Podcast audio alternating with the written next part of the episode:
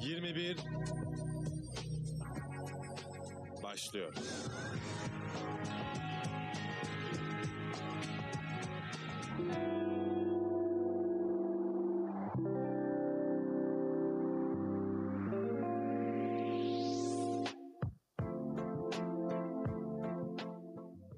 Sevgili Radyo Bilkent dinleyenleri, hepinize iyi akşamlar. Saatlerimiz 19.15'i gösterirken 21. yüzyılda gelişen ve pekişen konseptleri tartıştığımız 21'in yepyeni bir bölümüyle sizlerleyiz.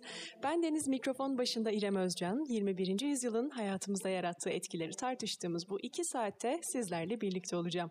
Öncelikle programın boyunca sizlerin düşüncelerini duymayı çok isterim. Bu vesileyle bizimle iletişime geçebileceğiniz iletişim kanallarını da hatırlatmak isterim. www www.radyobilkent.com adresi üzerinden bizlere sorularınızı iletebilirsiniz. Yazıyla 21 alt-rb Instagram hesabından bizi takip edebilir ve düşüncelerinizi paylaşabilirsiniz. Ve son olarak da 0312 290 24 34 numarasından bizleri arayabilirsiniz sevgili dinleyenler. Bu kısa hatırlatmadan sonra bugünkü konumuza ve elbette çok değerli konuğuma dönmek istiyorum. Konuğum Bilkent Üniversitesi Psikoloji Departmanı öğretim üyelerinden Doktor Ezgi Sakman'la birlikte bugün bağlanma teorisi ve yüzyılımızda değişen ilişki dinamiklerini konuşacağız. Ezgi Hocam hoş geldiniz. Hoş buldum İremcim. Çok Nasıl? teşekkürler davet için. Ben teşekkür ederim hocam. Hem geldiniz e, beni kırmayıp hem bugün burada benim de çok merak ettiğim ve etrafta da çok ilgi duyduğunu, e, duyulduğunu bildiğim bir konu hakkında konuşacağız bugün hep birlikte. E, nasılsınız? Çok teşekkür ederim. İyiyim. Sen nasılsın? Ben çok heyecanlıyım hocam. Sınavlardan dolayı uzun süredir mikrofondan ayrı kalmıştım. Bugün benim için de heyecan dolu bir gün olacak. çok güzel. Hoş geldin. Teşekkür ederim hocam. Ee, o zaman yavaştan bağlanma kuramına e, girişle başlayalım programımıza. Nedir hocam bu bağlanma kuramı, bağlanma teorisi? Bir de sizden duyalım. E, tabii. E, İremciğim aslında bağlanma kuramı e, psikoloji literatüründe çok önemli, çok e, temel ve çok fazla araştırmayı daha sonra doğurmuş bir e, kuram. E, ilginçtir şu anda da aslında içinde bulunduğumuz e, savaş ortamına benzer bir e, ortamda ortaya çıkmış. İkinci Dünya Savaşı e, sırasındaki gözlemlere e, dayanarak ortaya çıkmış yapılmış bir kuram. E, John Bowlby isimli bir İngiliz psikiyatrist e, İkinci Dünya Savaşı sırasında e, ailelerinden ayrı kalmak zorunda kalan ya da savaş nedeniyle ailelerini kaybeden çocukların yetimhanelerde, bakım evlerinde, devletin denetimindeki bakım evlerindeki durumlarını incelerken onlara orada bakım verirken fark ediyor ki bu çocuklar aslında benzer tepkiler gösteriyorlar ailelerinden ayrılmaya. E, ve bu tepkiler e, hem psikolojik hem de fizyolojik e, şeyler barındırıyor, e, parçalar barındırıyor. E, ve bu e, çocukların çok iyi bakıldıkları halde yani bütün e, biyolojik ihtiyaçları karşılandığı halde e, hastalıklara karşı e, daha büyük risk altında olduklarını, depresif duygu durumuna karşı daha büyük risk altında olduklarını hatta ölüm oranlarının e, diğer popülasyondaki çocuklara göre fazla olduğunu gözlemliyor ve bu ciddi bir sağlık sorunu olarak e, ortaya çıkıyor. Dünya Sağlık Örgütü e, Bolbi'ye bu konuyla ilgili bir araştırma yapmasını ve bir rapor hazırlamasını istiyor ve e, bu şekilde başlıyor aslında bağlanma e, kuramının e, ortaya çıkması diyeyim.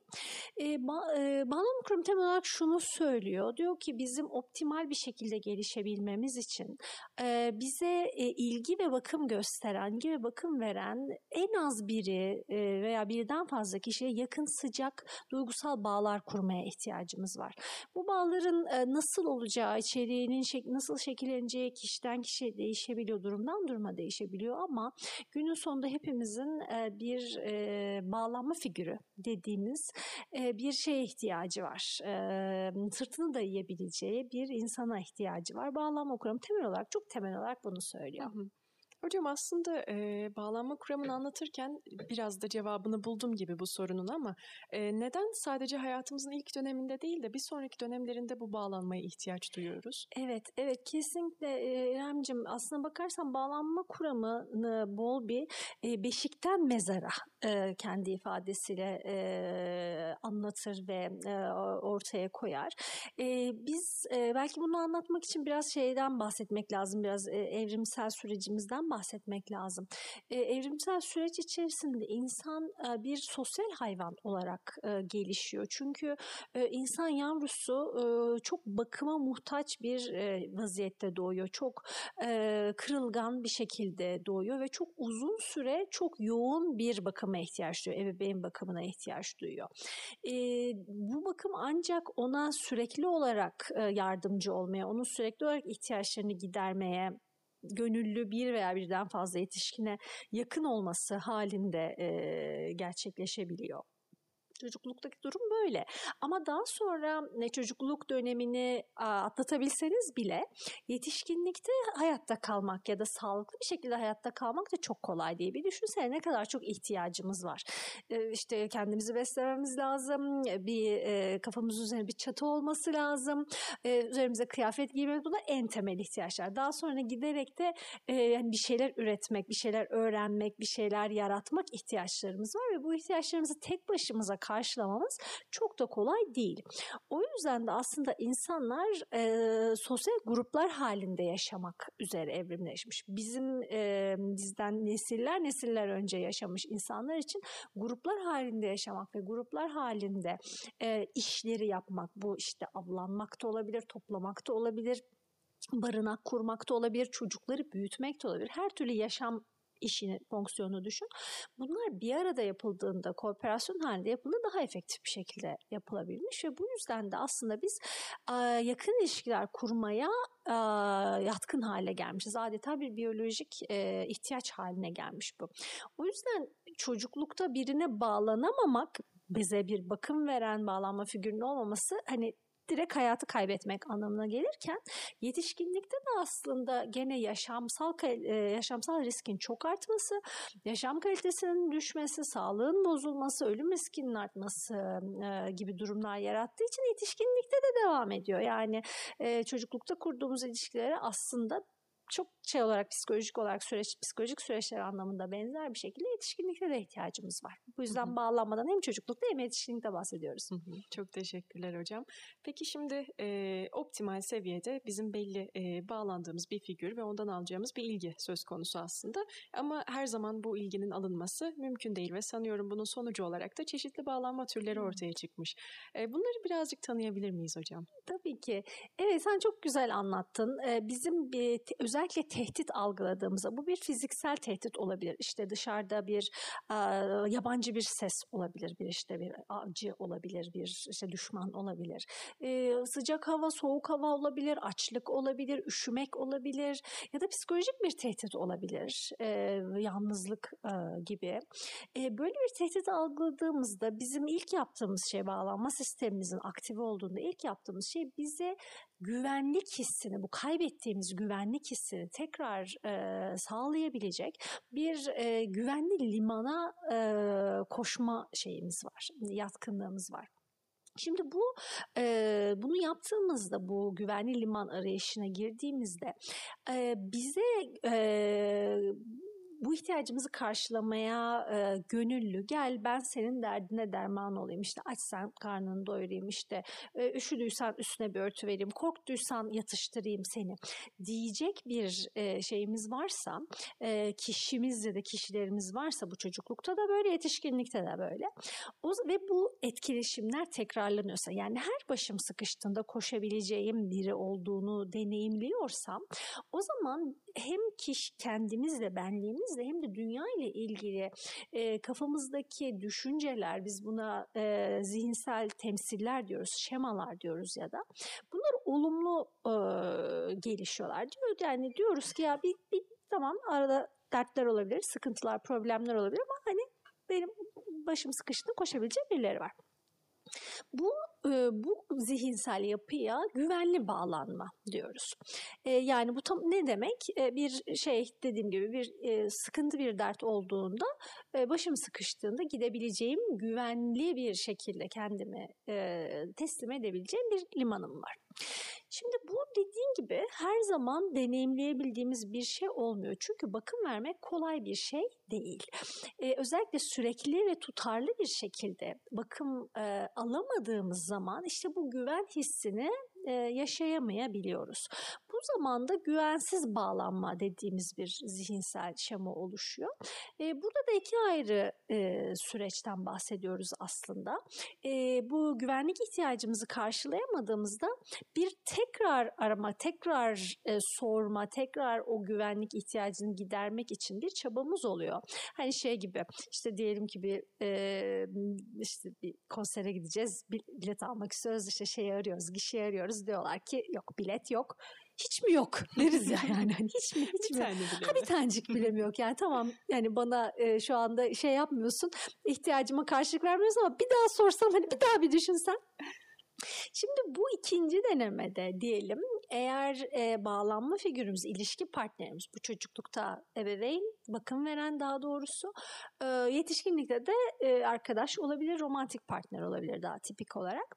Eğer e, ilişki partnerimiz e, tutarlı bir şekilde mesafeli ise, tutarlı bir şekilde uzaksa, tutarlı bir şekilde kendi başının çaresine sen kendin bak mesajını bize davranışlarıyla, e, tutumlarıyla veriyorsa o zaman hızlıca şeyi öğreniyoruz. E, tek başımayım. Sorunlarımı tek başıma çözmem lazım. Ee, ihtiyaçlarımı, duygusal ihtiyaçlarımı öyle çok da e, şey yapmamam lazım, söylememem lazım. Buna bu zihinsel şemaya kaçınan bağlanma ya da bağlanma kaçınması adını veriyoruz.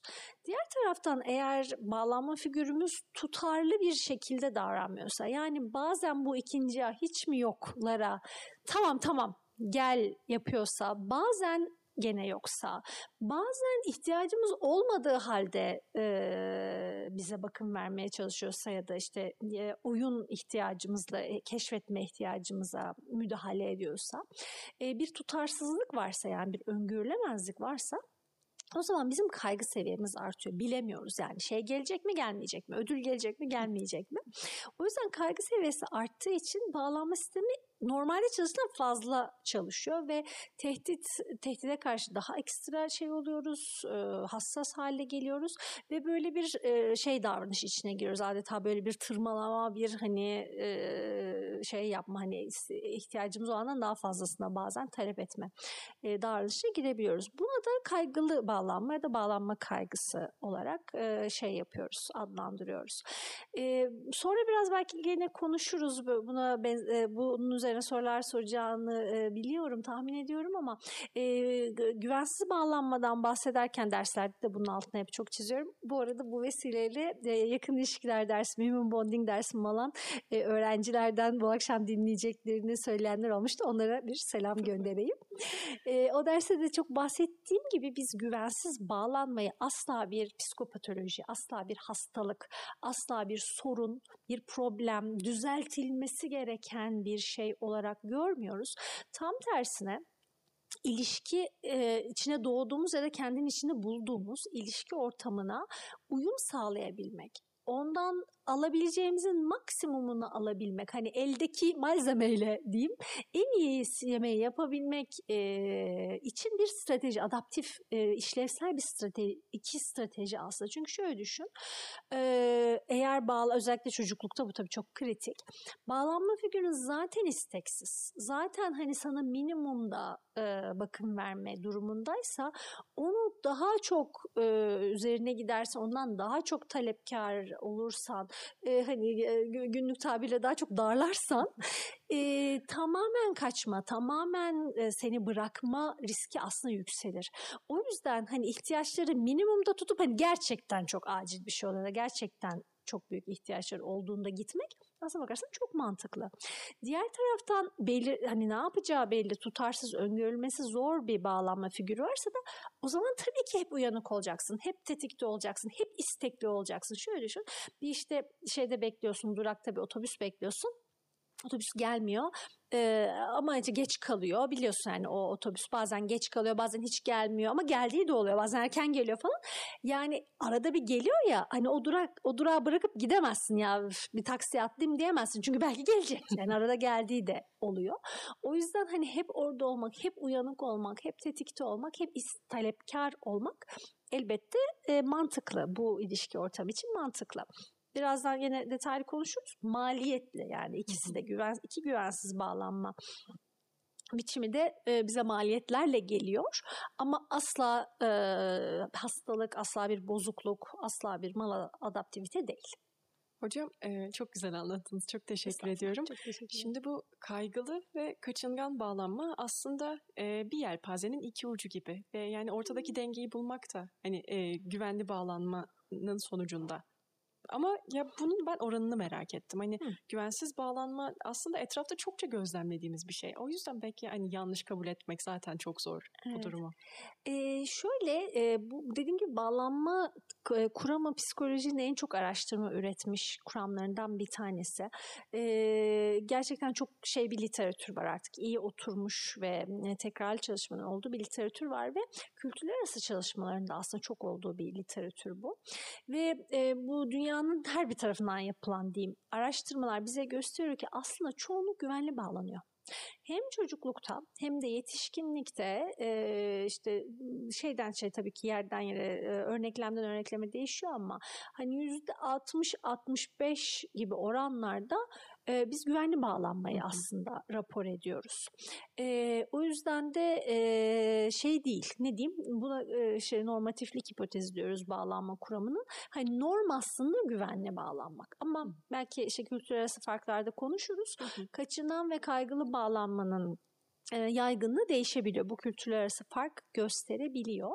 Aslında kaygılı ve kaçınan bağlanmayı aynı spektrumun iki ucu gibi düşünmekten ziyade e, birbirinden bağımsız iki e, boyut olarak daha çok kavramsallaştırıyoruz. Yani kaygın düşük olabilir, yüksek olabilir, kaçınman yüksek olabilir, düşük olabilir ve bunu aslında bir, bir e, kartezyen e, denklemin şeyinde, düzleminde e, birbiriyle şey yapıyoruz, e, crossluyoruz ve aslında bu bize gene stiller anlamında bakırsa dört ayrı e, stil e, de veriyor daha e, ayrı bir ölçüm e, yöntemi ama e, bunları birbirinden bağımsız düşünmek lazım. Yani bir kişinin hem kaygısı hem kaçınması aynı anda yüksek olabilir. Aa, öyle tamam mi? aynen. Güvenli bağlanma hem kaygının hem kaçınmanın düşük olduğu durum olarak hmm. şey yapılıyor. Yani insan ne e, şeyden korkuyor, terk edilmekten korkuyor, kaygı düşük. Ama bir taraftan çok yakınlaşmaktan da korkmuyor. Kaçınma hmm. da düşük ama e, çok yaygın olmamakla birlikte hem kaygının hem kaçınmanın yüksek olduğu hmm. kişilerde e, var. Evet. Anladım. Ben hiç böyle bakmamıştım konuya kusura bakmayın. Estağfurullah olur mu? Hocam peki şimdi araya girmeden önce aklıma takılan bir şey var. Çocuklukta geliştirilen bu bağlanma stilleri ilerideki ilişkilerimiz için bir kesin bir belirleyici mi peki? Aa, e, yordayan yani tahmin eden bir değişken kesinlikle. Yani e, bu soruyu bu çok güzel ve zor ve önemli bir soru. Cevaplaması çok kolay bir soru değil çünkü bunu cevaplamak için boylamsal dediğimiz çalışmalar ihtiyaç var. Bu ne demek? Bir e, bir örnekleme bir grup kişiyi çocukken bir önce incelemeliyiz. Onların bağlanma e, yatkınlıklarını, stillerine bakmalıyız. Daha sonra onların yetişkinliklerine bakmalıyız. İnsan e, hayatı uzun olduğu için e, bu tarz boylamsal çalışmalar kolay olmadığı için e, çok sayıda çalışma e, olmamakla birlikte pek çok çalışmamız da var aslında bu soruyu çeşitli şekillerle, yöntemlerle yanıtlamaya çalışan. Ve bu çalışmalar bize gösteriyor ki evet çocukluktaki bağlanmayı biliyorsak ya da çocuklukta aldığımız bakımın kalitesini de biliyorsak yetişkinlikteki bağlanmayı belli bir seviyeye kadar tahmin edebiliyoruz. Yoğurdamak diyoruz biz buna e, bilimsel terminolojide yani bize bir bilgi veriyor. Fakat bu yordama gücü kesinlikle e, çok yüksek bir e, yordama gücü. Etki büyüklüğü çok büyük değil dediğimiz bir şey bu gene bilimsel jargonda. E, kes, yani kesin olmaktan çok çok uzak öyle diyeyim. Çünkü burada e, zaten psikoloji bölümünde, e, biliminde ve bölümünde e, kesin doğrulardan ya da kesin 2 artı 2 4 ederlerden bahsetme imkanımız e, üzerine çalıştığımız e, konu çok kompleks bir konu olduğu için zaten söz konusu değil. Burada da belki ilerleyen bölümlerde konuşuruz. Çok fazla faktör işin içine girdiği için hani küçükken güvensiz bağlanıyorsan illa yetişkinlikte de güvensiz bağlanacaksın diye bir şey kesinlikle yok. Yok bir kesinlikten uzak ama Kesinlikle. rol oynadığından da şüphemiz Aynen yok öyle. diyoruz. Aynen öyle çok güzel özetledin. Teşekkür ederim hocam çok sağ olun. Hem bağlanma kuramını hem bağlanma çeşitlerini oldukça güzel bir şekilde özetledik. Şimdi kısa bir araya girelim. Ardından benim güvensiz bağlanmayla alakalı çokça sorum var. Hepsini size yönlendirmek için sabırsızlanıyorum. Sevgili dinleyenler 21 kısa bir aranın ardından tekrar sizlerle birlikte olacak.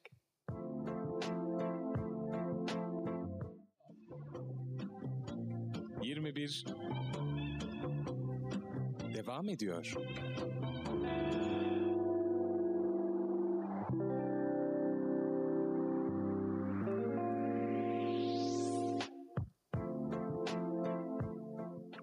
Sevgili dinleyenler 21 kaldığı yerden devam ediyor. Sevgili konuğum Doktor Ezgi Sakman'la birlikte bağlanma kuramı ve bağlanma çeşitleri hakkında konuştuk.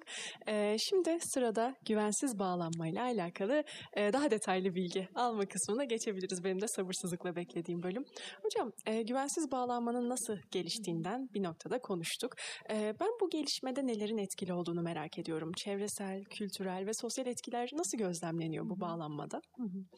Ee, canım e, biraz önce bahsetmeye çalıştığım gibi güvensiz bağlanma aslında bize bakım verenlerin e, küçüklükte, yetişkinlikte de ilişki partnerlerimizin ne kadar e, bize bakım vermek ve ihtiyaçlarımızı karşılamak konusunda hazır oldukları ve istekli olduklarıyla alakalı. Burada önemli, altında hep çizmek istediğim önemli bir şey bakım vermenin ve özellikle sürekli ve tutarlı bakım vermenin çok zor bir şey oldu. Ee, burada kişisel farklılıklar var. Yani herkes bunu bize hem davranışsal çalışmalar hem biyolojik çalışmalar aslında gösteriyor. Herkes bakım vermeye aslında eşit derecede yatkın değil. E, bazı kişiler genetik olarak ya da e, biyolojileri gereği ya, bakım vermeye daha yatkın, bakım vermeyi daha kolay e, görüyor, yaşıyor olabiliyorlar.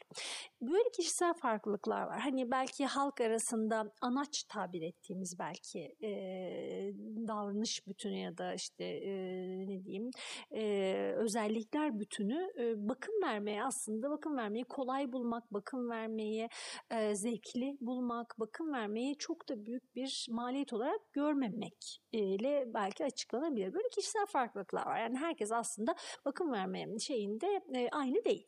Ya, yatkınlığında, etkinliğinde aynı değil. Bu bir faktör. Bir başka faktör de bakım verilmek çok zor bir şey olduğu için bu bakımı ne kadar kolay, kaliteli ve tutarlı verebildiğimiz bakım veren olarak ne kadar çok kaynağa sahip olduğumuza da çok önemli e, ilişkili. Eğer e, siz bir taraftan işte iki tane işte çalışıyor. Bir taraftan işte e, son derece zor fiziksel şartlar altında işte belki bazen elektriği kesilen bazen suyu kesilen işte gittiğiniz yolda kendinizi çok da güvenli hissetmediğiniz devamlı gözünüzün arkada olduğu bir işte mahalleden geçerek evinize e, gidiyorsanız e, çocuğunuz hasta olduğunda e, onu işte bir şey yapmak istediğinizde birine emanet etmek bırakmak istediğinizde bir destek almak istediğinizde kapı kapısını çalabileceğiniz kimseniz yoksa, destek alabileceğiniz kimseniz yoksa, e, ayın sonu nasıl getireceğinizden çok da emin değilseniz, e, bu ve bunun gibi güçlükler, kendi e, hastalıklarınız varsa, fiziksel hastalıklar olabilir, psikolojik hastalıklar olabilir. Bu, bu ve bunun gibi zorluklarla baş ediyorsanız tutarlı bir şekilde ve kaliteli bir şekilde bakım verme olasılığınız aslında düşer. Ee, çevresel faktörler ve sosyal faktörlerden bence burada bahsetmek mümkün olabilir. Yani bir e, bir grupta bir toplulukta ne kadar çok destek mekanizması varsa hem yani buna aslında fiziksel destek ya da işte e, finansal kaynaklara dair destek olarak da düşünebilirsin. Yani işte atıyorum e, ne kadar çok e, analık babalık izni varsa e, ne kadar çok işte şey yüksekse e, gelir seviyesi yüksekse e, artı sosyal destek olarak da düşünmek lazım. Yani bir toplumda ne kadar kolay bir şekilde işte aileden, eşten, dosttan, komşudan, arkadaştan ya bana bir omuz versene işte çocuğu sana bu akşam bırakabilir miyim? Ya işte çocuk hasta oldu okula göndermedim ama işe gitmem lazım seninkiyle oynası olur mu gibi destek alabileceğimiz kaynak yani bütün kaynaklara ne kadar çok erişimimiz varsa o kadar aslında e, tutarlı ve kaliteli bakım verme olasılığımız artıyor ve güvensiz bağlanma olasılığı da düşüyor. O yüzden kişinin geliştiği ortamın ne kadar e, e, kaynağı bol, e, öngörülebilir ve ne kadar işte refah içerisinde e, olup olmadığının bağlanma e, e, güvenliğini, güvensizliğini yordadığını ortaya atan ve e, e, görgül testte e, tabi tutulmuş ve veriyle de desteklenmiş modellerimiz var. E, o yüzden mesela işte e, yeni öğrencilerime bir selam olsun e, sınavda sordum. Hani şu anda mesela mesela e, Filistin'de yaşadığımız insanlık e, krizinin e, bir şeye e, yansıması burada e, hayat mücadelesi veren çocukların aslında gelecekteki ilişki güvenliklerinin e, olasılıkla güvensiz tarafa doğru kayma riskinin yüksek olmasını mesela doğuracak. Çünkü e, bu çocuklar bir hayatta kalmak için zaten mücadele veriyorlar. Hayatta kalabilseler bile muhtemelen aldıkları bakım çok kaliteli bir bakım olamayacak. O yüzden pek çok riskin altında oldukları gibi güvensiz bağlanma için de aslında bu çocuklar şu anda risk altında. Hı hı. Yalnızca e, ebeveynlerle alakalı bir durumda değil aslında yaşadığımız ülkenin Kesinlikle. atlattığı krizler de bu Kesinlikle. noktada çok etkili. Kesinlikle. E, hocam bu arada siz e, selam gönderirken size gelen selamları da iletmesem olmaz. E, mesajlar geliyor sürekli. Ezgi Ay. hocamıza çok selamlar Ale, şeklinde. Aleyküm selam. çok çok teşekkür ederim bütün e, vakit ayırıp dinleyenlere. E, bu arada tekrardan iletişim kanallarını hatırlatayım izniniz olursa. www.radyobilkent.com adresi üzerinden bizlere sorularınızı ve düşüncelerinizi iletebilirsiniz sevgili dinleyenler. E, hocam e, bu konuyla alakalı bir çalışmanız var sizin ve orada demişsiniz ki video oyunları, internet ve akıllı cihazların çocukları bireyciliğe ittiğini ve güvensiz bağlanmayı etkileyen faktörlerden olduğunu belirtin, belirtmişsiniz bu çalışmada. Bu konuda o zaman bu yüzyılın bizi güvensiz bağlanmaya itelediğini söylemek mümkün hmm. müdür? Ee, şöyle aslında orada bir e, literatürden bir e, alıntı yaptım bir kısma sen e, altını çizdin canım.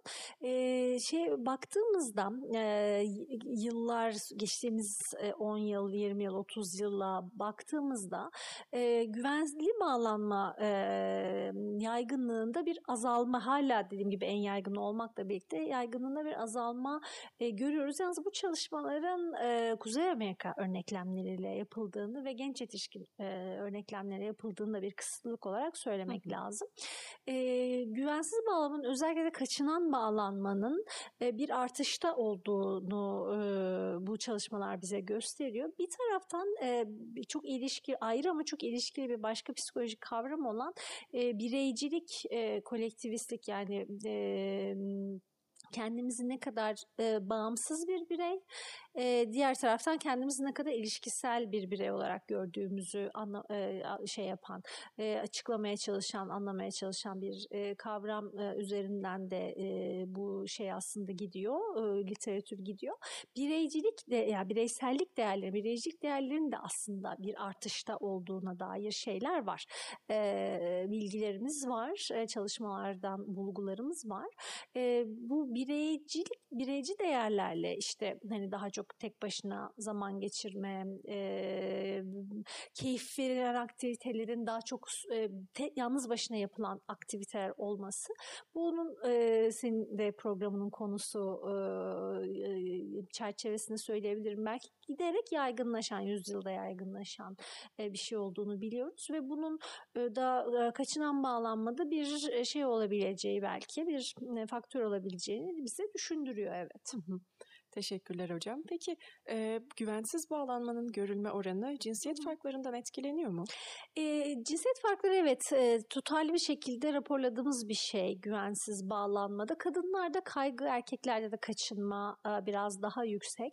E, burada biyolojik farklılıklardan ziyade sosyal öğrenmeyle edindiğimiz toplumsal cinsiyet rollerinin bir e, rolü olabileceğini düşünüyoruz. E, hem e, Batı toplumlarında hem Doğu toplumlarında toplumlarında aslında. E, aterkinin daha da e, yaygın olduğu toplumlarda belki daha da fazla olmak üzere kadına hep bir şey değeri e, rolü biliyorsun yükleniyor. Bir bakım verme e, daha e, ilişkileri düzenleme duygusal olma yapma. feda çok güzel söyledin fedakarlık yapma alttan alma işte kendini biraz geri planda tutma ve e, pek çok sosyal rolün sosyal e, sorumluluğun yüklendiği bir cinsiyet aslında. E, tabii ki bu da e, dediğim gibi güvenli bağlanma hala norm olmakla birlikte e, kaygı kadınlarda daha fazla e, görülebiliyor. Çünkü aslında çok fazla şey var. E, sorumluluk var ve e, belki de e, kendini e, şey yapmak, ifade etmek ya da ben bunu istiyorum, ben bunu talep ediyorum ve bunu da alıyorum e, deme davranışı çok yaygın olmadığı için hani kaygı yükseliyor ve e, hani ben devamlı böyle bir alttan alta isteme ya da alttan alta bir talep etme şeyi olabiliyor. Hı hı. Peki değişen toplumsal cinsiyet rolleri bu oranda Hı hı. bir değişiklik yol açacak mıdır Ee, sizce? daha evet bu şeyin kapanmasını umuyoruz, bekliyoruz. Hı hı. Evet, bütün aslında bunu bütün e, toplumsal cinsiyet çalışmalarında benzer e, şeyler görüyoruz, sonuçlar görüyoruz. Toplumsal cinsiyet rolleriyle şekillenen ya da onlardan etkilenen pek çok psikolojik e, çıktı da aslında kadın erkek farkının kapandığını, yıllar içerisinde kapandığını e, görebiliyoruz. Hı hı. Hocam e, şimdi biraz da böyle aile kavramına dönmek istiyorum. Hı hı. Aile bireyleri arasındaki iletişim kişinin bağlanma davranışlarına ne tür etkilerde e, bulunuyor? Hmm.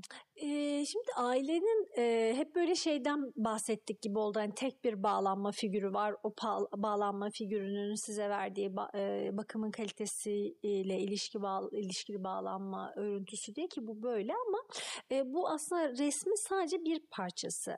E, genellikle büyüdüğümüz ortamlar e, e, aynı sosyal evrimimizde olduğu gibi e, grup grup dinamiklerinin söz konusu olduğu ortamlar. Çekirdek aile olsa da böyle geniş aileden bahsetsek de böyle.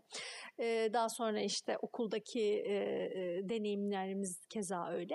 Yani aile dediğimiz şey aslında bir e, grup dinamiğinin olduğu bir alan ve e, bakım verenlerin ebeveynlerin arasındaki ilişki, arasındaki iletişim de aslında e, bağlanmamızda çok önemli bir faktör. Biraz önce şeyden biraz bahsetmiştim ya hani ebeveynin ne kadar çok kaynağı olduğu biraz e, verebileceği bakımın kalitesiyle sonra da bağlanma ölçüsü ilişkili diye. Aslında birbiriyle uyumu yüksek olan çiftler kendi ilişkisinde daha mutlu, tatmin oranı daha yüksek, ilişkisine bağlılığı daha yüksek, ilişkisine daha mutlu olan, e, birbirine bakım vermek. Hani dedik ya bağlanma yetişkinlikte de oluyor. Birbirine iyi bağlanma figürü olarak iş gören e, partnerler aslında bakım verme konusunda da e, daha iyi performans sergileyebiliyorlar. Çünkü işte e, en basitinden hani günlük hayatta diyelim ki işte sen evden işten çok yorgun argın geldin. Hani hakikaten şey yapacak, kolunu kaldıracak halin yok. Birazcık gidip şey yapmak istiyorsun, uzanmak, yatmak istiyorsun. Eğer senin partnerin bu ihtiyacını anlayabilecek, e, bu ihtiyaçla empati kurabilecek veya diye senin hani o yorgun argın halini görünce ya İremciğim sen git birazcık e, bir kendine gel hani e, ben yapayım şey, şey yapayım hani çocukları e, düşünme hani biz hallederiz diyen bir partner varsa şimdi senin kendini hem sen yorgunken çocuğuna e, düzenli tutarlı bakım verilebilmiş oluyor. Hem de sen birazcık kendini şarj etme imkanını bulup işte atıyorum gecenin ilerleyen saatlerinde ya da ertesi gün neyse daha kaliteli bakım verebilecek hale gelebiliyorsun. E, bu bir faktör. Bir başka faktör de sosyal öğrenme dediğimiz, modelleme dediğimiz e, çok önemli bir kavram var. E, bütün bireyler, çocuklar özellikle görerek öğreniyorlar. Yani aslında ebeveynler arasındaki ilişki bir model haline geliyor. Bu şemalar dediğimiz yani zihindeki temsiller için bir e, ne diyeyim bir şey prototip e, oluyor. Yani e, ebeveynler arasındaki uyum ne kadar fazlaysa, e, karşılıklı empati ne kadar yüksekse, birbiri için e, fedakarlık yapmak ne kadar fazlaysa o zaman e, çocuklar da e, hani ilişki dediğin böyle bir şey. İlişki hani bazen başkasını öncelediğin ama kendi ihtiyaçlarını da söylediğin ve ihtiyaçlarının görüldüğü, karşılandığı bir yer e, düşüncesine e, şey yapabiliyor. Daha kolay zihninde e, e, kristalleştirebiliyor. Hocam e, bir de değişen zaman içinde değişen aile kavramı ve yapısına da bir noktada değinmek isterim. Sizin e, yayınladığınız çalışmada gene gözüme çarpan bir noktada e, iş ve özel hayat dengesinin özel hayat aleyhine bozulması, geniş aileden çekirdek aile yapısına geçiş gibi durumların güvensiz bağlanmaya yol açabileceği yer alıyordu. Evet bu bir risk faktörü olabilir. Çünkü e, aslına bakarsan dediğim gibi bir e, enteresan aslına bakarsan bireyci bir kültür olmakla beraber Amerika'da e, bir atasözü var. E, bir çocuğu büyütmek için bir köy lazım diye. Yani e, biraz önce e, programın ilk kısmında söylediğim hani insan yavrusu e, pek çok biyolojik sebepten dolayı e, diğer memeli yavrularına göre çok çok gelişmemiş e, vaziyette doğuyor ve çok uzun süre çok ciddi bir bakıma ihtiyaç duyuyor. Hakikaten tek başına yapılacak iş değil. Hani e, futbol tabiriyle adım adıma defansla olacak bir şey değil. Gerçekten tam sağ pres lazım. Takım oyunu lazım. E, e, onun için hani e, geniş aileden çekirdek aileye geçiş, işte kırsalda yaşamaktan kente geçiş, e, adapt adaptasyon gereken yani, yani şey yanlış anlaşılmaktan çekinirim hani e, çekirdek aile kategorik olarak kötü bir şey ya da işte e, kente göçme kategorik olarak bir problem e, demek asla istemem.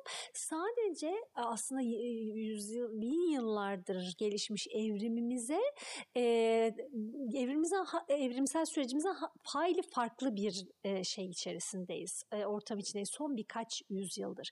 Yani insanlar binlerce yıldır komüniteler halinde yaşadılar. İşte köylerde yaşadılar. Bütün hemen hemen bütün aktivitelerini kooperatif bir şekilde yaptılar. Hani e, bir e, işte önce tarım devrimi sonra sanayi devrimi şimdi teknoloji devrimiyle beraber hani o bahsettiğimiz biraz daha küçük üniteler halinde yaşamak, mobilizasyonun artması yani, yani doğduğumuz yerde ölmüyor o oluşumuz. Bunlar aslında insan evriminin yani binlerce yıllık sosyal evrimi hani birdenbire çok hızlı değişimler ve hani adapte olmasa çok kolay olmayan değişimler. Elbette pek çok avantajla getirdiler. Hani o e, sosyologların da çok e, incelediği bir kavram ama hani bu e, destek ihtiyacımızı e, bir şekilde yerine koyacak. Yani sosyal desteğe hala çok ihtiyacımız var. Yani hani, e, kentleştik diye işte bireyleştik diye işte çekirdek aile modelini benimsedik diye bu ihtiyaçlarımız e, bitmiş değil. Bunları şey yapabilmek için ikame edebilmek için yerine farklı mekanizmalar e, koymamız lazım. İşte bu şey olabilir işte beraber, yakın yaşadığınız insanlarla ilişkileri komşuluk ilişkilerini örneğin daha e, şey hale getirmek e, sık hale getirmek, işte mümkünse e, büyük ebeveynlerle sık görüşebilmek, mümkünse aynı şehirde yaşayabilmek, e, örgütler yani kurumsal düzeyde destek almak, işte profesyonel bakım verenler, kreşler, yuvalar olabilir çocuk bakımı için gibi gibi. Ama bunların hepsi aslına bakarsan sonuç olarak günün sonunda bizim sosyallik ihtiyacımızı, sosyal destek ihtiyacımızı karşılayan şeyler, mekanizmalar. Bu mekanizmalara kesinlikle ihtiyacımız var. Yani eğer şey yapmak, bireyselleşmek, yalnızlaşmak anlamına geliyorsa bunlar kesinlikle aynı kavramlar değil ama yalnızlaşmak yani başım sıkıştığında kendime de destek alabilecek kimse yok. Ben bakım verirken de destek alabileceğim kimse yok gibi bir sonuca geliyorsa o zaman işte biraz risk altında oluyoruz. Hı hı.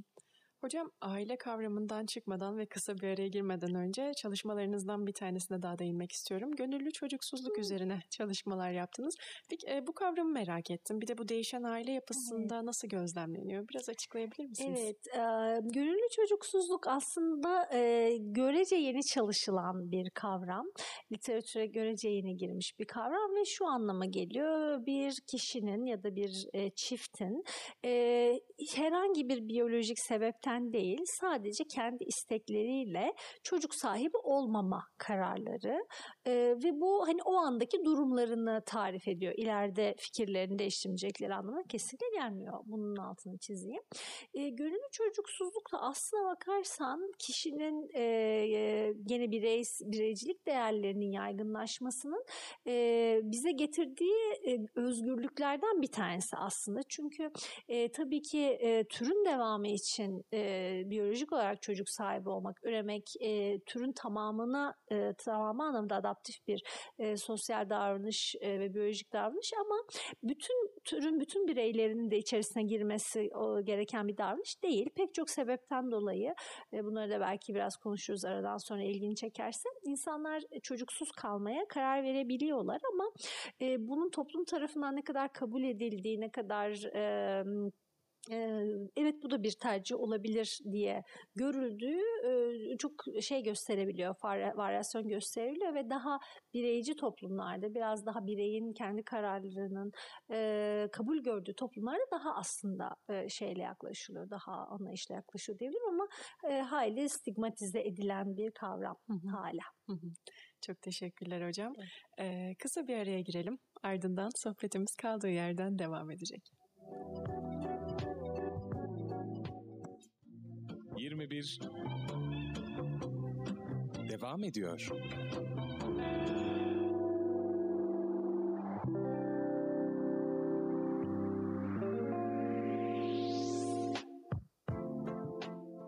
Sevgili dinleyenler 21 kaldığı yerden devam ediyor. Konuğum Doktor Ezgi Sakman'la birlikte bağlanma kuramının daha da derinlerine inmeye devam ediyoruz.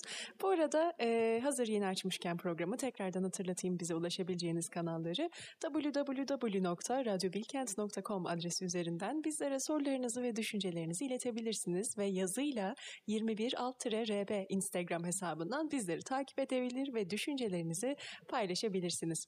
Hocam güvensiz bağlanmayla alakalı sorularım devam ediyor.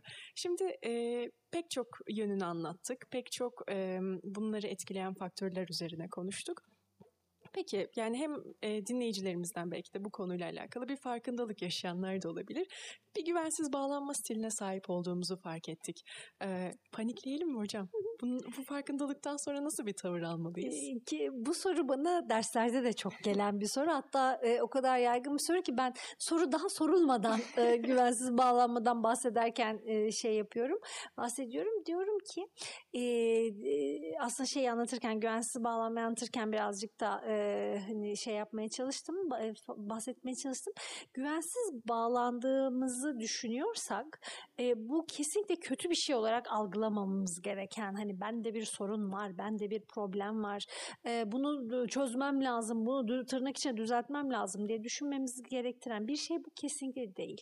Dediğim gibi erken dönem yaşantılarımızın şu anda içerisinde bulunduğumuz ilişki e, dinamiklerini aslında kendimizce geliştirdiğimiz bir adaptasyon bu. E, ha e, dediğim gibi belki biraz bahsederiz demiştim. Belki şimdi bahsedebilirim. E, güvensiz bağlanma, her iki güvensiz bağlanma örüntüsü de aslında belli e, psikolojik maliyetlerle geliyor. Örneğin güvenli bağlanan kişiler e, kendilerini daha rahat hissediyorlar. Kendilerini e, işte bağlanma sistemiyle e, keşif sistemi dediğimiz iki tane böyle biri e, aktifken biri de aktif olan iki sistemden biraz aslında kısaca bahsedeyim bunu anlatmak için. Orada de, de, de, demiştim ya da şeyin e, programın ilk kısmında ortamda bir tehdit olduğunda bağlanma sistemimiz aktive olur diye. Bağlanma sistemini aktive ettiğimizde keşif sistemini de aslında deaktive ederiz. Yani ortamda bir tehdit varsa işte çocukken oyun oynayacak, yetişkinken işte işimizi gücümüzü yapacak halimiz kalmaz. O yüzden de mesela şey bana çok garip gelir. Ee, hani böyle ağlayan bir çocuğa böyle bir tane oyuncak sallayıp susturmaya çalışmak çoğu zaman da işe yaramaz. Çünkü yani o anda o çocuğun oyuncağı görecek hali yok. Yani onun belli bir derdi var. O derdin çözülmesini istiyor öncelikle. Ama çok sık başvurulan bir yol. Evet evet hani işte böyle hiçbir şey işe yaramayınca belki deneniyor ama aslında şey değil. E, onun orada derdine derman değil. Şey gibi düşün. Sen mesela hastasın. Aa, hani böyle sana şu işi de yap İrem şu programı da yani hastayken canım program yapmak istiyor mu? E, istemiyor değil mi? Ha, yani hani şey yapacak kendini geliştirecek hani dünya ile etkileşime girecek şeyin olmuyor. Çünkü öncelikle derdinin çözülmesini içinde bulunan tehdit durumundan güven hissine geçmek istiyorsun. Şimdi güvenli bağlanan çocuklarda ve bireylerde bu güven hissi çok çabuk sağlandığı için bakım verenler ve ilişki partnerleri tarafından onların bağlanma sistemleri bir kere çok e, gereksiz yanlış alarm verip hani böyle devamlı tetikte değil gerçekten bir tehdit olduğunda bir kere sistem devreye giriyor. Bu bir koruyucu faktör. İkinci faktör de dev, sistem gerçekten gerektiğinde devreye girdiğinde ilişki partnerleri hemen o sistemin soğumasını, o sistemin deaktif olması için gerekli müdahaleyi değil yapıyorlar. Böyle olunca ne oluyor? Keşfe daha fazla psikolojik kaynak kalıyor. Yani çocuk bir an önce rahatlıyor ve tekrar hemen ne yapar? Oyuna devam eder. Ya da şey yetişkinlikte tekrar bize keyif veren oyun fa- faaliyetlerini ya da kendimizi geliştirmek için içine girdiğimiz üretim faaliyetlerini, çalışma faaliyetlerini hızlıca dönebiliriz.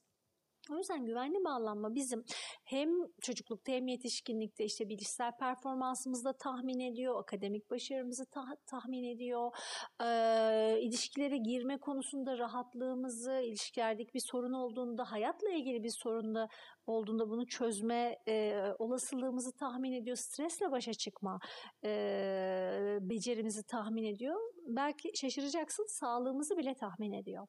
E, çünkü bu tehdit durumu aslında vücudumuz için de büyük bir yük. Evet. Yani kendini güvende hissedemezsen, kendini tehdit altında hissederken vücudun kortizol başta olmak üzere bir e, dizi hormon ve nörotransmitter sağlıyor ve seni tetik haline getiriyor ve diyor ki hani bir, bir, bir dert var hani uyuma şey yapma rahatlama tetikte ol. Bu özellikle kronikleşen bir durum olduğunda bu başta bağışıklık sistemi olmak üzere bütün sistemleri aslında olumsuz etkiliyor ve aklına gelebilecek her türlü e, fiziksel sağlık problemini ölüm riski ne kadar gitmekle birlikte tahmin ediyor. O yüzden güvensiz bağlanma bir risk faktörü. Güvenli bağlanma bizim için bir koruyucu faktör. Ee, bu yüzden de hani güvensiz bağlanma örüntülerinden daha güvenli bağlanma tarafına geçmek için belli çabalarda bulunmak şey olabilir, güzel bir e, hedef olabilir. Ama e, bunları dediğim gibi şey olarak da görmemek lazım. Aman güvensiz bağlandım, yandım, bittim diye görmemek lazım. Ne yapabiliriz'e gelince ne yapabiliriz de gelince elbette bu yetişkinlik için bir soru daha hani farkındalığın yüksek olduğu e, dönem için bir soru. Burada e, belki düşünülebilecek şey bu tekrarlayan ilişki şemalarımızı bir anlamaya çalışmak. Yani ben ilişkiler hakkında ne düşünüyorum? İlişkiler benim için e, işte hep böyle kabul görmediğim, e, neyin ne zaman olacağını bilemediğim, e, tahmin edemediğim ortamlar mı? Yoksa ihtiyaçlarımın hiç görülmediği ortamlar mı? Hani bu ne şeylerle, ne, ne, ne yaşantılar e, buna şey yapmış olabilir? E, bunları sorgulamak güzel olabilir. İlişki içerisinde bulunduğunuz ilişki partnerleri bunlar ebeveynler olabilir, arkadaşlar olabilir, e, romantik ilişki partnerleri olabilir. Onlarla konuşup benim hani ihtiyaçlarım olduğunda bu ihtiyaçların şöyle şöyle giderilmediğini hissediyorum, düşünüyorum, deneyimliyorum. Bunun da bende böyle yansımaları olduğunu düşünüyorum. Hani seninle bunu üzerine konuşabilir miyiz? Ee, benim bir ihtiyacım olduğunda bu ihtiyacı cevap verme e, tutumunu konuşabilir miyiz denebilir. Ee, şey bazen profesyonel yardım almak da güzel olabilir. Yani e, psikolojik destek almak için illa bir bunu hep söylüyorum bütün tanıdıklarıma, öğrencilerime, fırsat bulduğum e, herkese psikolojik destek almak için illa bir e, tanısı konulabilecek bir psikolojik rahatsızlığımız olmasına gerek yok. E, psikolojik destek, psikolojik danışmanlık aslında hayatın zorluklarıyla başa çıkmak için e, bizim işimizi çok kolaylaştırabilecek, hayat kalitemizi çok arttırabilecek bir şey. Elbette iyi psikolojik desteğe erişmek kolay değil e, ama buna imkanı olan kişilerin ya da imkan yaratarak bunu yapmak belki e, dediğim gibi bağlanma kalitesini arttırmak için de iyi bir fikir olabilir. Hı hı. Hocam yani güvensiz bağlanmaya sahipken farkındalık ve iletişimle birlikte sağlıklı ilişkiler kurulması oldukça mümkün. Kesinlikle, kesinlikle. Ee, bir bu noktada hani ak, şey aklıma geldi söyleyeyim. Aslına bakarsan farkında olmadan dahi e, içine girdiğimiz yeni ilişkilerin bize sunduğu orta şeyle e, parametrelerle bağlanma örüntülerimiz değişebilir. Hani demiştim ya biraz önce bağlanma kaygısını ve kaçınmasını bir boyut olarak düşünmek lazım. Hani düşükten şeye kadar, yükseğe kadar bir derece gibi düşünmek, termometre gibi düşünmek lazım. E, fark, her ilişkinin farklı dinamikleri var ve bizim e, yeni girdiğimiz bir ilişki bize eğer tutarlı bir şekilde ben buradayım, sen ihtiyacın olduğunda ben buradayım mesajını veren davranışlarıyla, tutumlarıyla bu mesajı veren bir ilişki partnerimiz olursa biz hiçbir farkındalığa ya da hani hiçbir biraz önce bahsettiğim hani e, bilinçli konuşmaya gerek bile kalmadan o e, güven duygusu, o güven telkini aslında bizim bağlanma kaygımızın ve kaçınmamızın zaman içerisinde azalması sonucunda doğurabilir. Ya da tam tersi güvenli bağlanma örüntümüz vardır ama yeni girdiğimiz bir ilişkide iki ilişki partnerimiz çok öngörülemezdir. Yani bir, bir, bir gelir bir gelmez bir arar bir aramaz bir mesaja cevap verir bir vermez. Bu insanda kaygıyı arttırır bu çok doğal bir şeydir. O yüzden de hani e, sanırım ikinci kısımda mı konuşmuştuk hani çocukluktaki bağlanmayla yetişkinlikteki bağlanma evet birbiriyle ilintili ama hani birebir de değil bu yüzden. Çünkü yeni e, deneyimler, yeni ilişkiler demek yeni uyaranlar demek, yeni parametreler demek ve be, yani çocuklukta gelişen belli e, şemalar var ama bu şemalara uymayan davranışlar e, daha doğrusu e, durumlarla karşılaştığımızda da bu şemaları şey yapabiliyoruz, güncelleyebiliyoruz. Belki biz ailemizde hani çok şey gördük, tutarlı bir bakım gördük ama romantik ilişki partnerlerimiz bize hiçbir zaman bu tutarlı bakımı vermediler. Tutarlı ilgi göstermediler. O zaman bizim romantik ilişkilerle ilgili şemalarımız farklı olabilir. Bu, bunu ya bu, bu açıdan hiç düşünmemiştim. Çünkü hani e, tutarlı bir e, ebeveynlik dönemi, e, bir çocukluk dönemi geçirip sonradan güvensiz bağlanmaya evet. e, evrilebileceğini hiç düşünmemiştim. Kesinlikle tam tersi mümkün. de olabilir. Tam tersi iki ebeveyne farklı şekilde bağlanabiliriz. Yani e, annemize farklı, babamıza farklı bağlanabiliriz. Çok e, çoklu bağlanma e, yatkınlığımız var bizim. Bize bakım veren herkese bağlanma e, şeyimiz var, kapasitemiz var. İşte e, büyük ebeveynlere bağlı bağlanabiliriz, profesyonel bakım verenlere bağlanabiliriz, daha sonra öğretmenlerimize, sonra arkadaşlarımıza giderek daha çok sosyal çevre geliştikçe. Bağlanma bir hiyerarşide organize yani bir, bir birincil bağlanma figürü dediğimiz hani ilk yani bir, bir başının sıkıştığında ilk koştuğun biri tipik olarak var ve hani bir şeyle gidiyor ne diyeyim bir e, hiyerarşiyle gidiyor ama birden fazla kişiye bağlanma e, kapasitesi olan varlıklarız biz. O yüzden her bağlanma ilişkisi de biricik. O yüzden biz çalışmalarımıza küçük bir not olarak söyleyeyim. Biz çalışmalarımızda ilgilendiğimiz ilişki neyse onu özel olarak sorarız. Yani deriz ki aşağıdaki sorulara cevaplarken annenizle olan ilişkinizi düşünün, babanızla olan ilişkinizi Aa. düşünün. Aynen ya da şu anda romantik partneriniz varsa onunla olan ilişkinizi düşünün. Genel bağlanma örüntüsünü görmek istiyorsak da genel olarak ilişkilerinizi düşünün diye veririz yönergeyi. E, ve örtüşme çok olmakla birlikte e, farklı şeyler görürüz. Hı hı. Farklı e, örüntüler görürüz. Hı hı. Hocam peki e, bizim kendi farkındalığımız ve iletişimimizle bağlanmamızı güvenli biçimde e, ilerletmemiz mümkün. Peki bir ebeveyn neler yapmalı hocam? E, yani bir beyaz yakalı açısından bakarsak mesela her şey çok hızlı ilerliyor. Çocuklarına evet. yeterince bakamadığını hissediyor. Bu e, ya bir çocuğun bu şekilde büyüyerek güvensiz bağlanmaya sahip olması çok olası. Peki bir ebeveyn bu konuda nelere dikkat etmeli özellikle bu çağda? Evet. Ee, şimdi bu konuda konuşurken hep dediğim gibi bu bakım vermenin ne kadar zor bir şey olduğu ve aslında ne kadar çok kaynağa ihtiyacımız olduğunu ben hani altını çok çizmek istiyorum. Ee, bazen de insanların kendini çok çok yüklendiğini, çok çok kendinden çok fazla beklenti içerisine girdiğini ebeveynlikte özellikle yeni kadınlara yüklenen bakım verme rolü nedeniyle kadınlarda bu tabii daha yaygın olabiliyor. Aslına bakarsan bizim burada ihtiyacımız olan şey mükemmel bir ebeveynlik değil. Ee, yeni bir kavram yeterince iyi ebeveynlik, good enough parenting diye bir kavram ortaya atıldı yakın zamanda.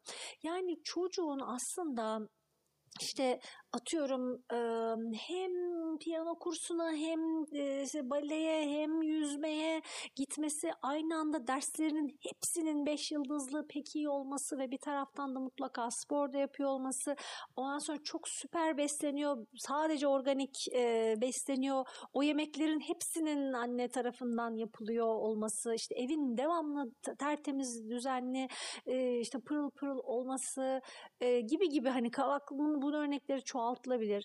Ee, hani hayatın böyle mükemmel olmasına gerek yok aslında çocuğun temel olarak ihtiyaç duyduğu ya ben bir şeye ihtiyacım olduğunda annem babam bakın verelim orada mı? Beni dinliyor mu öncelikle? Beni dinliyor mu? Bana kulak veriyor mu? Derdimle dertleniyor mu? Ve e, bir şey yapmak için bir çaba gösteriyor mu? E, aslına bakarsan bunları bu bu şeyi yapabilmek, bu hissiyatı yaratabilmek aslında yeterli. Yani çocuk aslında yani e, organik bir şey mi yiyor, yemiyor mu çok da belki şey de elbette yine yanlış anlaşılmaktan korkarım. Elbette çocukların hani uygun şekilde beslenmesi çok önemli ama belki hani o uygun şekilde beslenme mükemmel olacak. Hani işte en e, şeyisi alınacak, en harikası alınacak, en harikası yapılacak diye çocuğa ayrılan zamandan bir şey varsa, iskonto varsa belki hani o daha şey olabilir.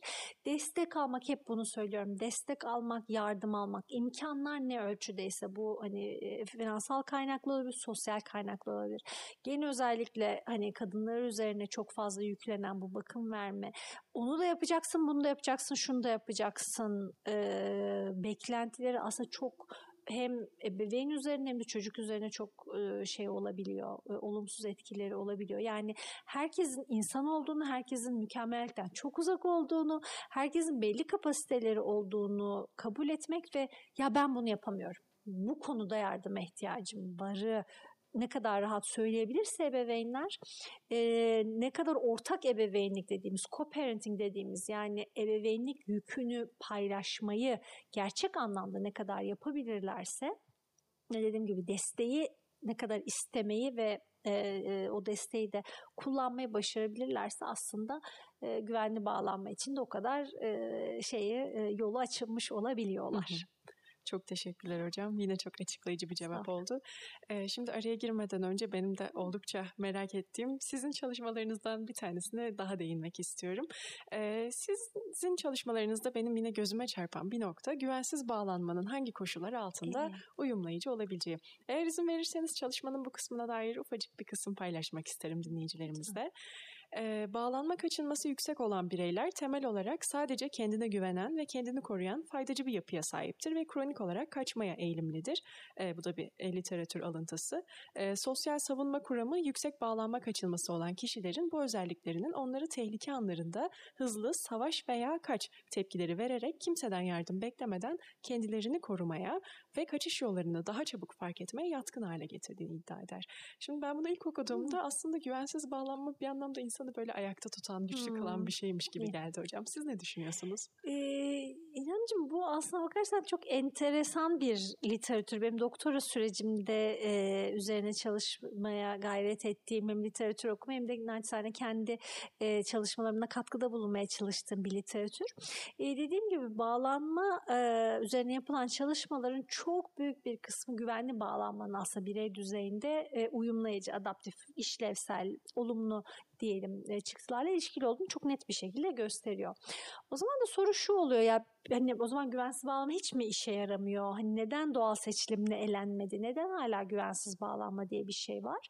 E, bu kuramı ortaya atan e, Eindor ve arkadaşları e, sosyal e, anlamda bunu açıklamaya çalışırken diyorlar ki ortaya atıyorlar ki e, belki birey düzeyinde maliyetler olabilir ama grup açısından baktığımızda güvensiz bağlama davranışlarının belli fonksiyonları olabilir. Sen e, çok güzel okudun kaçınan bağlanma genellikle böyle bir hani kaçış yolu arama, hani hep böyle bir kapı, göz kapıda, hani hep böyle bir kendi şeyime e, güveneyim e, şeyi olduğu için, e, yatkınlığı ve öyle bir zihinsel şema olduğu için bir tehdit durumunda, grup gruba ait bir tehdit olduğunda gene böyle kaçış yollarını bulmakta ve kullanmakta ve böylece arkadan da arkasından da insanların gelmesini e, şey yapabiliyor, mümkün hale getirebiliyor. Diğer taraftan kaygılı bağlanmada hani demişim hep bir tetik halinde. Hep böyle bir uyanık, hep böyle bir oradan mı tehdit gelecek, buradan mı tehdit gelecek e, zihinsel e, şeyinde, e, çerçevesinde. Bu da olası tehditlere karşı gene grubu uyanık tutmak. Yani grubun e, çoğunluğu güzel, güvenli güvenli bağlansın. Hani o e, şeyini yapsın, ne diyeyim, e, keşif davranışını yapsın, kendini geliştirme yapsın kaygılı bağlananlarda adeta bir bekçi görevi. E, görerek hani grubun olası tehditlere karşı daha uyanık, daha tetikte olmasını e, sağlıyor olabilir gibi bir teori ortaya atıyorlar ve bunu çok enteresan vaktimiz kalırsa aradan sonra belki konuşuruz. Çok enteresan e, empirik çalışmalarla test ediyorlar ve görgül destekte buluyorlar. E, böyle güvensiz bağlanmanın da özellikle grup düzeyinde uyumlayıcı değerleri olabileceğini düşünüyoruz. Hı hı. çalışmanın en çok dikkatimi çeken kısımlarından da bunu da sormazsam olmazdı hocam bu yayında. çok teşekkür ederim sorduğun için. Benim de doktora çalışmamdan e, hatırlama, bahsetme imkanım oldu. O zaman kısacık bir araya girelim. Ee, çok fazla yormadan dinleyicilerimize de. Çünkü hakikaten e, dolu dolu bir program geçiyor benim Ay, için de. E, böyle hani bu konuyla alakalı sıfır bilgisi olan dinleyicilerimizin de eminim çok fazla şey öğrendiğini Umarım. biliyorum yani bu Umarım. programda. E, o zaman kısa bir araya girelim ardından yeniden birlikte olacağız.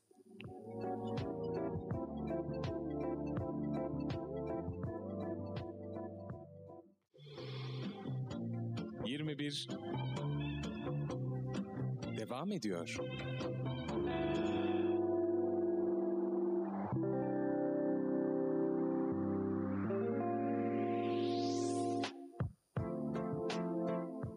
Sevgili dinleyenler saatlerimiz yavaş yavaş 9'a yaklaşırken 21 kaldığı yerden devam ediyor. Ee, gü- güvensiz ve kaçıngan bağlanma, güvensiz bağlanma ve bağlanma teoremi hakkında e, oldukça faydalı bilgiler edindik. Ee, sevgili Ezgi Hocam şimdi ben birazcık yüzyılımız ilişkileri hakkında sizlere sorular yöneltmek istiyorum. Ee, genel olarak çevreyle iletişimimizin oldukça minimalize edildiği bir çağda olduğumuzu belki söyleyebiliriz. Artık böyle market olsun, okul olsun, restoran olsun bu tip yerlerde e, sosyalleşme e, alanlarımız oluyordu ve bizler artık bu alanlar bizlere çevrim içi hizmet vermeye başladığında biz bir nevi kurabileceğimiz potansiyel ilişkileri artık kuramaz Hmm. hale geldik. E, bu sebepten ötürü bu alışkanlıkla birlikte büyüyen bir nesil var. E, buna maruz kalan bir nesil ilerleyen zamanlarda insanlarla iletişimlerinde, kurduğu ilişkilerde ne tip sorunlar yaşayabilir Hmm. hocam? Ee, İremciğim büyük bir zor, büyük ve zor bir soru soruyorsun. Gerçekten e, iletişimin çok hızlı bir şekilde değiştiği ve bir taraftan çok kolaylaştı. Ama bir taraftan da e, zorlaştığı ve hani alışkın olduğumuz e, bağlamlardan da e, eksildiği il- çok çok ilginç bir dönemdeyiz. E, ben bunu düşündüğümde aslına bakarsam yaşadığımız pandemi örneği bunun böyle çok hızlı bir simülasyonu olduğu gibi de düşünüyorum. Yani böyle birdenbire e, insan e, temasını kesmek zorunda kaldığımız, e, bütün iletişimi aslında dediğim gibi çevrim içi modalitelere geçirmek zorunda kaldığımız bir dönemi yaşadık. Ve bu dönem e, hem bireysel olarak hepimiz için çok zorlayıcı oldu hem de grup düzeyinde aslında daha sonra pandemi sürecinde ve sonrasında yapılan çalışmalar e, duygu durumumuzun aslında buna çok olumsuz etkilendiğini gösterdi. Yani depresif semptomlarda, kaygıyla ilişkili semptomlarda çok artış e, görüldü. E, sosyal olarak ihtiyacımız, e, programın diğer bölümlerinde bahsettiğim o bin yıllara e, sari sosyal evrimimizin sonucu olan o sosyal e, temas ihtiyacımız öyle bugünden yarına gidebilecek e, ya da e, daha az da olsa olur diyebileceğimiz bir ihtiyaç değil aslında. O yüzden İnsanlar çok hızlı bir şekilde bu ihtiyaçlarını gidermek için farklı yöntemler e, pandemide de buldular. Bu bahsettiğin hızlı değişimde de aslında buluyorlar ve bulacaklar. Belli açılardan dediğim gibi aslında yalnızlaşıyoruz gibi gözükebilir ya da belli sosyal temaslarımız azalıyor gibi görülebilir ama aslında hani sosyal medyayı kullanışımız hani artısı eksisiyle tabii çok kompleks bir konu belki ona da gireriz ama e, teknoloji kullanımımızı aslında baktığında e, hala o sosyallik ihtiyacımızı ve sosyal temas kurma ihtiyacımızı gidermek için kullandığımızı da görüyoruz. Mesela atıyorum işte biraz önce e, video oyunlarından bahsetmiştik. Hani aslında daha çok yani kişiyi bireyci e, noktaya getiren şeyler belki zaman geçirme araçları ama e, takip edebildiğim kadarıyla o bile çok sosyal olarak yapılıyor. Yani gözlemleyebildiğim kadarıyla oyuncular hep böyle bir e, oynarken birbirleriyle bir konuşma halindeler, İletişim iletişim halindeler. halindeler. İşte oyun beraber kuruluyor, oyunu e, işte yazanlar oluyor, taktikler verenler oluyor değil mi? Çok aşina olduğum bir dünya değil oyun dünyası ama hani anlayabildiğim kadarıyla orada da böyle bir işte ben tek başıma bir bilgisayarla oynuyorum ya da bir yapay zeka ile oynuyorum gibi bir durum yok. Orada bile bir hani şey var, sosyallik var. Ya da ne bileyim işte pek çok hizmeti dediğin gibi artık çevrim içi alıyoruz işte yemek söylemekten e, işte üst, üst başa bir şeyler almaya kadar e, şeyle belki temas azaldı gibi sanki işte hani tezgahtarlarla temas belki azaldı işte restorandaki garsonlarla temas azaldı ama bir taraftan e, herhangi bir satış platformuna gir hani oku oku bitiremeyeceğin yorumlar var değil mi? Yorumlara yazılan yorumlar hani orada belki tabii ki bunun hani niteliği kalitesi tartışılabilir ama orada da bir sosyal temas var. Yani aslında insanların o etkileşime geçme isteği ihtiyacına bir şey oluyor değil. E, sadece biraz transforme oluyor ve belki biraz şeye de dikkat etmek lazım. Yani bu etkileşimlerden ne kadar tatmin oluyoruz? Bu etkileşimler bizi ne kadar doyuruyor? Ya da bu etkileşimler ne kadar sağlıklı bir şekilde gidiyor? Belki bunlara bakmak biraz önemli olacak hı hı. önümüzde. Hocam e, aslında çok güzel bir noktaya değindiniz. İnsanın sosyalleşme ihtiyacı bugünden yarına silinecek bir şey asla değil. değil. E, ama hocam kimilerini duyuyoruz. İşte hatta genelde belki sizin kaygılı bağlanmayla, e, pardon kaçıngan bağlanmayla e, yanlış eğer anlatıyorsam düzeltin Zaten. lütfen. E, kimseye güvenmemek. Hmm, işte ben kendi kendime yeterim. E, bu mümkün evet, değil o zaman. Yok maalesef. Bu yani aslına bakarsan dediğim gibi erken dönem yaşantılar olabilir. İşte yakın zamandaki ilişki yaşantıları olabilir. Hani orada ihtiyacı olan ilgi bakımı görememek ten kaynaklı geliştirilmiş bir defans stratejisi aslında.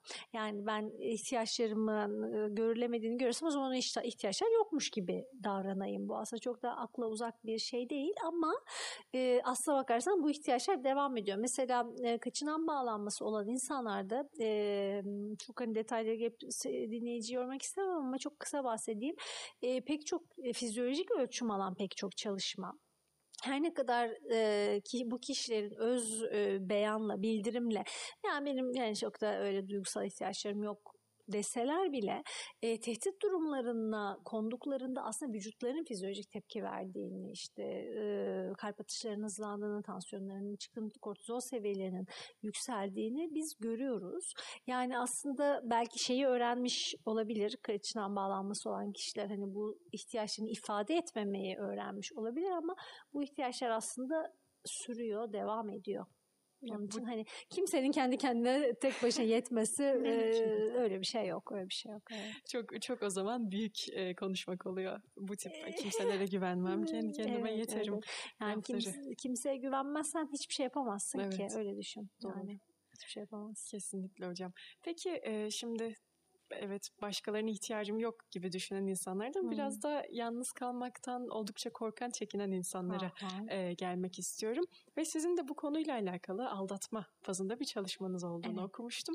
E, hocam hiç yalnız kalmama e, konusuyla hmm. aldatma ilişkisine nasıl bağdaştırırsınız? Ee, evet aldatma e, literatürü e, çok e, gene derin, geniş, ilginç bir literatür. E, ben de e, hani naçizane bağlanma e, tarafından bu literatüre e, çok küçük katkılarda bulunmaya çalıştım ben ve çalışma arkadaşlarım. E, burada bizim e, merak ettiğimiz şey biraz şuydu. Acaba e, yalnız kalmaktan, bekar kalmaktan özellikle hayatında bir partner olmamasından genel olarak e, kaygı duyan, korkan insanlar e, paradoksal bir şekilde aldatma davranışına girme e, riskine daha mı fazla yaşıyorlar? Ve e, yaptığımız çalışma bunun e, böyle olduğunu ve bağlanma kaygısı olmasının da burada bir aslında rol oynadığını gösterdi. Şöyle bir e, sonucumuz oldu. Şöyle bir, şöyle bir sonuca ulaştık.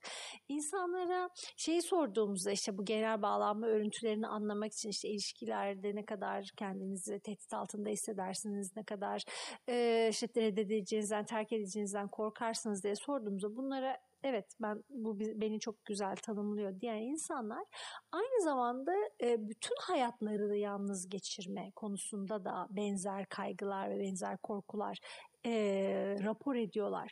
Ve bu korkular daha sonra da onların aldatma davranışı içerisinde olmalarını da tahmin edebiliyor. Şimdi burada enteresan bir paradoks var. Yalnız kalmaktan korkuluyorsa, reddedilmekten, terk edilmekten korkuluyorsa reddedilmenin, terk edilmenin hani neredeyse garantisi olacak aldatma davranışına niçin giriliyor? Ee, burada bir e, aslında e, hani yumurtaları aynı şeye koymamak, bütün yumurtaları aynı kefeye koymamak e, gibi bir strateji olabileceğini e, düşündük ve e, araştırmamız da bunu gösterdi. Yani e, yalnız kalmaktan çok fazla korkuyorsa bir birey bir alternatif arayışına girmek, bir yedek e, oyuncu arayışına girmek e, şeyinde olabiliyor. Yatkınlığında, yanlılığında olabiliyor ve bu aldatma yönelik tutumlarını ve davranışlarını tahmin ediyor. Tabii bu, bu bir yerde kendini doğrudan kehanet dediğimiz kavrama da gelebilir. Yani e, yalnız kalmaktan korktuğunuz için ilişkinize daha çok yatırım yapmayı bırakıp alternatifler aramaya başlarsınız. Muhtemelen kendi ilişkiniz çok iyi gitmeyecektir. Gerçekten aldatma davranışının içine girerseniz de yani ilişkinin sağlığı, e, uzun süreli sağlığı e, için çok e, olumlu tahminlerde bulunmak mümkün değil. Ve bu hani gün sonunda yalnız gerçekten de yalnız kalmanız sonucunu doğurabilir. Burada böyle bir paradoks var. E, bu çalışmayı özellikle işte çift terapisi yapan kişilerin ulaşabileceğini umuyoruz. Ve onların özellikle bağlanma kaygısı yüksek bireylerin bu kaygılarını daha iyi regüle edebilecekleri, düzenleyebilecekleri e, şeyler yaparlarsa, çalışmalar yaparlarsa e, böyle aldatma riskinde belki Hı hı. biraz kontrol edebileceğini e, yazmıştı kendimizce. Hocam gerçekten çok ilgi çekici ve ilginç bir Evet, noktaymış. bize de çok ilginç gelmişti gerçekten. Ee, bu bağlanma stilleriyle olan ilişkisini merak ettiğim bir nokta daha var. Hmm. O da ilişkilerde çok kontrolcü olmak. Hmm. Hiçbir zaman karşı Evet. tarafa tam olarak güvenememek, hı. kontrol altında Evet. bulundurmak istemek hocam. Güvensiz bağlanmayla olan ilişkisi nedir bu durumun? Ee, İremciğim bu da yine kaygılı bağlanmayla el ele giden yani kaygılı bağlanması yüksek olan kişilerde gördüğümüz bir yanlılık olabiliyor. Ee, dediğim gibi hep bir ilişki partnerleri beni istemez, sevmez. İlk fırsatta yalnız bırakmak ister, terk etmek ister. Ben zaten sevilmeye layık değilim e, gibi zihinsel şemaları olan bireyler bu ilişkiyi kaybetmekten korktukları için ilişkiye aşırı sarılmak, aşırı tutulmak, işte partnerin her davranışını kontrol etmek ihtiyacı, ner, nereye gitti, ne zaman gitti, ne zaman geldi, ne yedi, ne içti, kimle görüştü. Bunları kontrol ederek ilişkinin sürebileceğine dair yanlış bir e, şey içerisinde, beklenti içerisinde olabiliyorlar. Aslında kontrol genel olarak kaygıyla başa çıkmak için e, geliştirdiğimiz çok da uyumlayıcı olmayan bir strateji. E, bu işte e, daha çok izleme davranışı işte sosyal medyada ne yapmış işte telefonunu bakma kontrol etme davranışı işte oraya mı gittin buraya mı geldin bana söyle hesap ver işte e, şey yapma davranışı takip etme davranışı kaygı bağlanma kaygısı yüksek olan kişilerde daha sık karşılaşabildiğimiz davranışlar ve tabii ki bunlar da aslında ilişkinin e, ilişkiden alınan doyumu ve ilişkinin uzun e, vadeli e, sağlığını e, tabii ki olumsuz olarak tahmin ediyor. Yani bu davranışların olduğu ilişkilerde e, çok da e, sağlıklı süreçler gelişemiyor doğal olarak. O yüzden hani kaygıyı e, biraz önce bahsetmiştim yani kaygıyla nasıl başa çıkacağız, kaygıyı nasıl yöneteceğiz. Hani onun için daha adaptif şeyler bulamazsak böyle biraz daha maliyetli, biraz daha sorunlu, külfetli şeylere gidebiliyoruz ve şey değil. Yani ilişki dediğin şey aslına bakarsan temel olarak biraz kendini bırakma, kendini biraz e, şey hale getirme, e, kırılgan hale getirme, şeye açık hale getirme e, hali. Yani birazcık kendini açamazsan, birazcık kendini rahat bırakamazsan, e, birazcık e, kontrolü elinden bırakamazsan aslında kolay girebildiğin ya da ilişki içinde kolay olabildiğin e, bir şey değil. O yüzden bu kontrol şeyi e, isteyip ilişkiler için bir risk faktörü olabiliyor. Hı hı.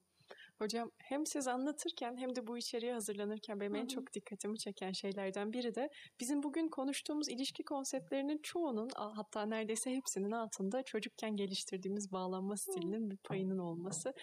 Gerçekten hani bunun farkındalığına varmak bir çocuk yetiştirmenin, bir büyüme serüveninin ne kadar zor ve e, meşakkatli olduğunu tekrardan göstermiş oldu. Evet, kesinlikle, kesinlikle. Yani e, ebeveynlik, bakım vermek gerçekten e, bizim sosyal e, hayatımızda e, üstlendiğimiz en büyük işlerden, en meşakkatli işlerden bir tanesi. E, çok yaygın olarak yapılıyor ama e, zorluğundan dolayı çok optimal seviyede her zaman yapılamayabiliyor.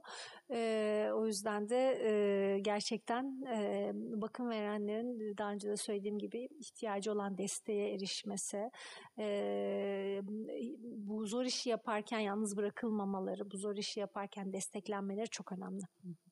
Hocam çok teşekkürler. Saatlerimiz 20.55'i gösteriyor ve zamanın nasıl geçtiğini gerçekten anlamadım. Eminim ki pek çok dinleyicimiz de aynı şeyi yaşamıştır. Çok keyifli ve çok bilgilendirici bir sohbet oldu. Çok teşekkür ediyorum geldiğiniz için. İremciğim ben çok teşekkür ediyorum. Gerçekten zaman nasıl geçtiğini hiçbir şekilde anlamadım. Umarım senin için dinleyenlerin için keyif verici, bilgilendirici bir sohbet olmuştur. Davet için çok teşekkür ediyorum. Radyo Bilkent'in bir Bilkent mezunu olarak, Bilkent öğrencisi olarak da ben değeri çok ayrıdır. Ee, tamamen profesyonelce ama amatör ruhla e, tamamen gönüllülük esasıyla yürüyen e, bildiğim kadarıyla senden öğrendiğim evet. kadarıyla tek radyomuz. Evet. E, karasal yayın yapan tek radyomuz Bilkent ve e, bu çok büyük bir e, değer. Gerçekten bu kadar ciddi bir şey, bu kadar profesyonel bir işin gönüllülük esasıyla bu kadar geniş bir kadroyla yanlış e, anlamadıysam yüzün üzerinde evet. bir e, şeyiniz var. E, büyük bir ekibiniz var. Gerçekten çok büyük bir iş yapıyorsunuz. Çok emekli bir iş. Çok kaliteli bir iş yapıyorsunuz. E, uygun görüp beni de davet ettiğin için e, ben sana çok teşekkür ederim. Hocam o kadar gururlandım ki sizden bunları duyarken eminim ki bütün e, radyonun her parçası sizi dinlerken de oldukça gururlanacaktır. Hmm, hepinizin Gerçekten emeğine sağlık. Böyle düşünmeniz bizi çok mutlu etti. Çok teşekkürler hocam. E, tekrardan teşekkür ediyorum bu akşam beni yalnız bırakmadığınız için. Sevgili dinleyenler 21'in bir bölümünün daha sonuna geldik. Önümüzdeki hafta Perşembe akşamı saat 19'da yeniden görüşünceye dek şimdilik hoşçakalın.